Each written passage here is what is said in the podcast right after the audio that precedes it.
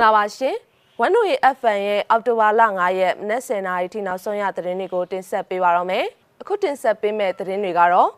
ပြည်သူတွေ NUG ကိုအွန်လိုင်းကနေတဆင့်အခွန်ပေးဆောင်နိုင်ပြီဆိုတဲ့သတင်း။မီဇိုရမ်ပြည်နယ်ကြံဖိုင်းမြို့ရှိစစ်ဆောင်စခန်းကဒုက္ခသည်ကျိုးဆွဲချတိတ်ဆုံးခဲ့တဲ့သတင်း။ Facebook, Instagram, WhatsApp စတဲ့အင်တာနက်လူမှုကွန်ရက် platform တချို့ ကမ္ဘာတလောအချိန်အတော်ကြာလိုင်းကျမှုဖြစ်ပွားခဲ့တဲ့သတင်းတွေအပါအဝင် နောက်ဆုံးရသတင်းတွေကိုဆက်လက်တင်ဆက်ပေးပါမယ်။ထမောက်ဆုံးသတင်းတစ်ပုဒ်အနေနဲ့အောက်တိုဘာလ၄ရက်ညနေ3နာရီလောက်ကနေစတင်ဖြစ်ပွားခဲ့တဲ့ RCSS နဲ့ SSPP တို့အကြားကတိုက်ပွဲအတွင်းရှမ်းပြည်နယ်တောင်ပိုင်းမိုင်းကင်မြို့နယ်ပန်ကေတုကျေးရွာအုပ်စုကုန်းမောင်းကျေးရွာတဲ့လက်နက်ကြီးကြောက်ခဲ့ပြီးမိသားစုဝင်၄ဦးထိမှန်ဒဏ်ရာရရှိခဲ့ပါတယ်။ လူနာတွေကိုကူညီဆောင်ရွက်ပေးနေတဲ့မြို့နယ်တအောင်အမျိုးသားပါတီ TNP ဥက္ကဋ္ဌမိုင်းနုံဟန်ကအဲ့ဒီမိသားစုဝင်တွေကတောင်ယာကနေရွာဘက်ကိုပြန်လာကြတာပါ။ရွာထဲဝင်ကန်ဒီမှာလက်နက်ကြီးကြပြီးတော့လက်နက်စတွေမှန်သွားတာလို့ရွှေဖီမြေသတင်းဌာနကိုပြောပါတယ်။ထိမှန်သွားတဲ့မိသားစုဝင်၄ဦးဟာကွန်ဆန်ကောမဆန်ကောလွေးဟွမ်နဲ့လွေးအေးငင်းတို့ဖြစ်ကြပါတယ်။သူတို့အဖေကတော့ဗိုက်ထိထားတယ်သူတို့အမေကတော့ပေါင်ထိထားပါတယ် ဟွမ်ကတော့ခြေဖွားရောခြေထောက်ရောလက်ရောနှစ်ဖက်စလုံးထိထားပါတယ်လွေးအင်းငင်းကတော့ခြေထောက်တွေထိထားတယ်လို့သူကဆက်ပြောပါတယ်ဒဏ်ရာရရှိတဲ့လေးဦးစလုံးဟာစိုးရိမ်ရတဲ့အနေအထားတော့မရှိဘူးလို့သိရပါတယ်သူတို့လက်နက်ကြီးထိတော့သူတို့ရွာကနေပန်ကေတုကိုဆိုင်ကယ်နဲ့လာကြပါတယ်ပန်ကေတုကနေမိုင်းကင်ကိုဩဝါဒလူမှုကွန်ရက်အသင်းကတွားကြူတာပါချက်ချင်းပြေးလာတော့အဝတ်အစားတွေပါမလာကြပါဘူးကျွန်တော်တို့ကနေပြီးတော့အဝတ်အစားရဲ့ငွေ2000တော့လှူထားတယ်လို့ မိုင်းနုံဟန်ကဆိုပါတယ် RCSS နဲ့ SSPP တို့အကြားကအော်တိုဘာလ၄ရက်နေ့တိုက်ပွဲဟာ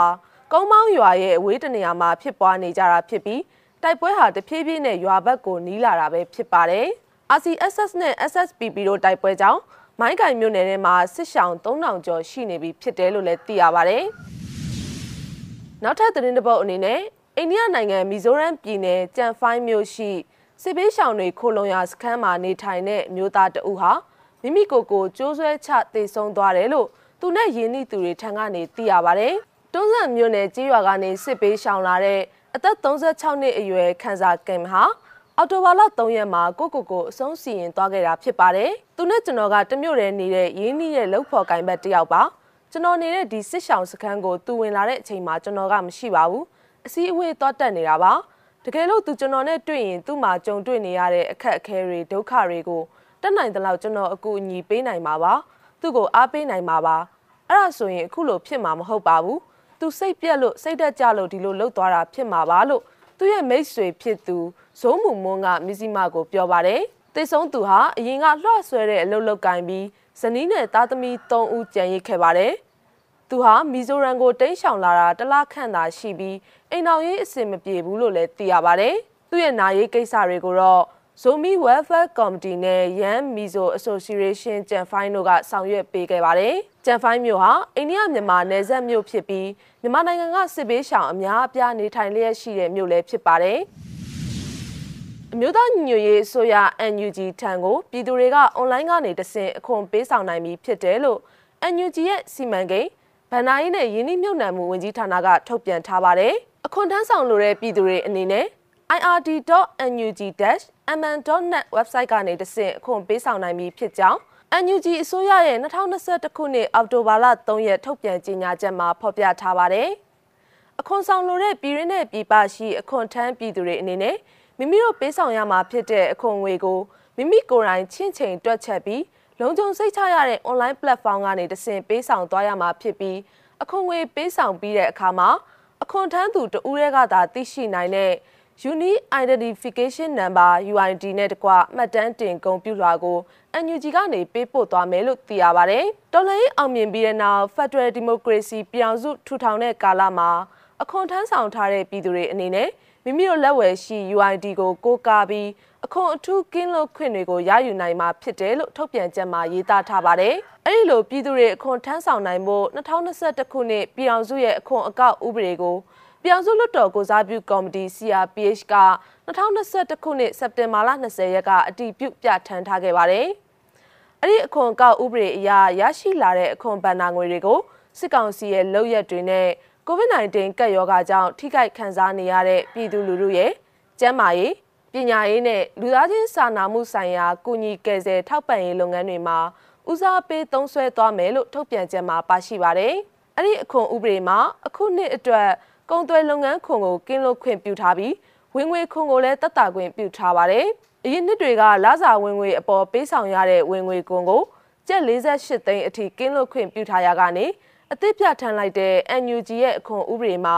ကျပ်သိန်း120အထိတိုးမြင့်ပြီးကင်းလွတ်ခွင့်ပြုထားပါတယ်။စီကြမှုကနေလွတ်ကင်းနေတဲ့ဝင်ငွေတွေကိုအခွန်ပေးဆောင်စေခြင်းအပြင်တရားဝင်ဝင်ငွေအဖြစ်သတ်မှတ်ခြင်းကိုလည်း NUG ရဲ့အခွန်ဥပဒေမှာပယ်ဖျက်ထားတယ်လို့ထုတ်ပြန်ချက်မှာဖော်ပြထားပါတယ်။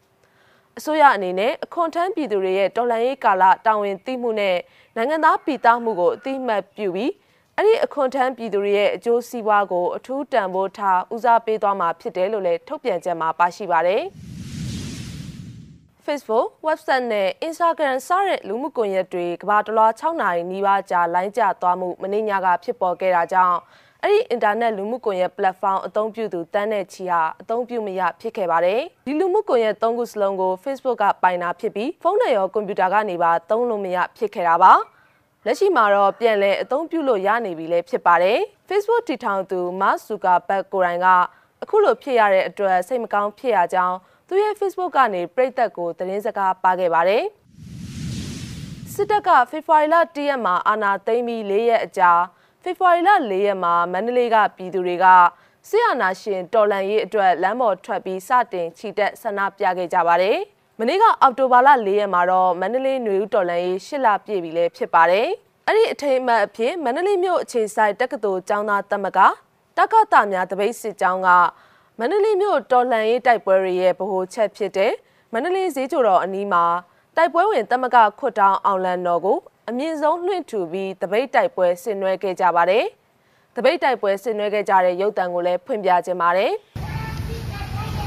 ချက်ချင်းလို့ချက်ချင်းလို့ဟေးဒီကကြောင့်တော့ဒီလူများချက်ချင်းလို့ချက်ချင်းလို့အာနာသိန်းကကောင်းကြီးရောကြီးရောကြီးအာနာသိန်းကကောင်းကြီးရောကြီးရောကြီးတော့ဒီလူတွေကြီးရလားဟဲ့ကြီးရဟဲ့ကြီးရဟဲ့ကြောင့်တော့ဒီလူကြီးရလားဟဲ့ကြီးရဟဲ့ကြီးရဟဲ့ဘာကလေးတော့ကြီးရလားဟဲ့ကြီးရဟဲ့ကြီးရဟဲ့ဘာတော့လဲကြီးရလားဟဲ့ကြီးရဟဲ့ကြီးရဟဲ့ဒီမိုကရေစီရရှိရဲ့ရောရဲ့ရောရဲ့ဒီမိုကရေစီရရှိရဲ့ရောရဲ့ရောရဲ့အာနာစီပတ်စီရဲ့ရောရဲ့ရောရဲ့အာနာသိစကောင်းစီရောစီရောစီအာနာသိစကောင်းစီရောစီရောစီတော်လာရကိုတက်ချက်ပတ်ကတော်လာရကိုတက်ချက်ပတ်ကအင်ပါခွဲရကြတော့ဖဲတော့အိမ်ကခွဲရကြတော့ဖဲတော့အာနာသိစကောင်းစီရောစီရောစီအာနာသိစကောင်းစီရောစီရောစီကြ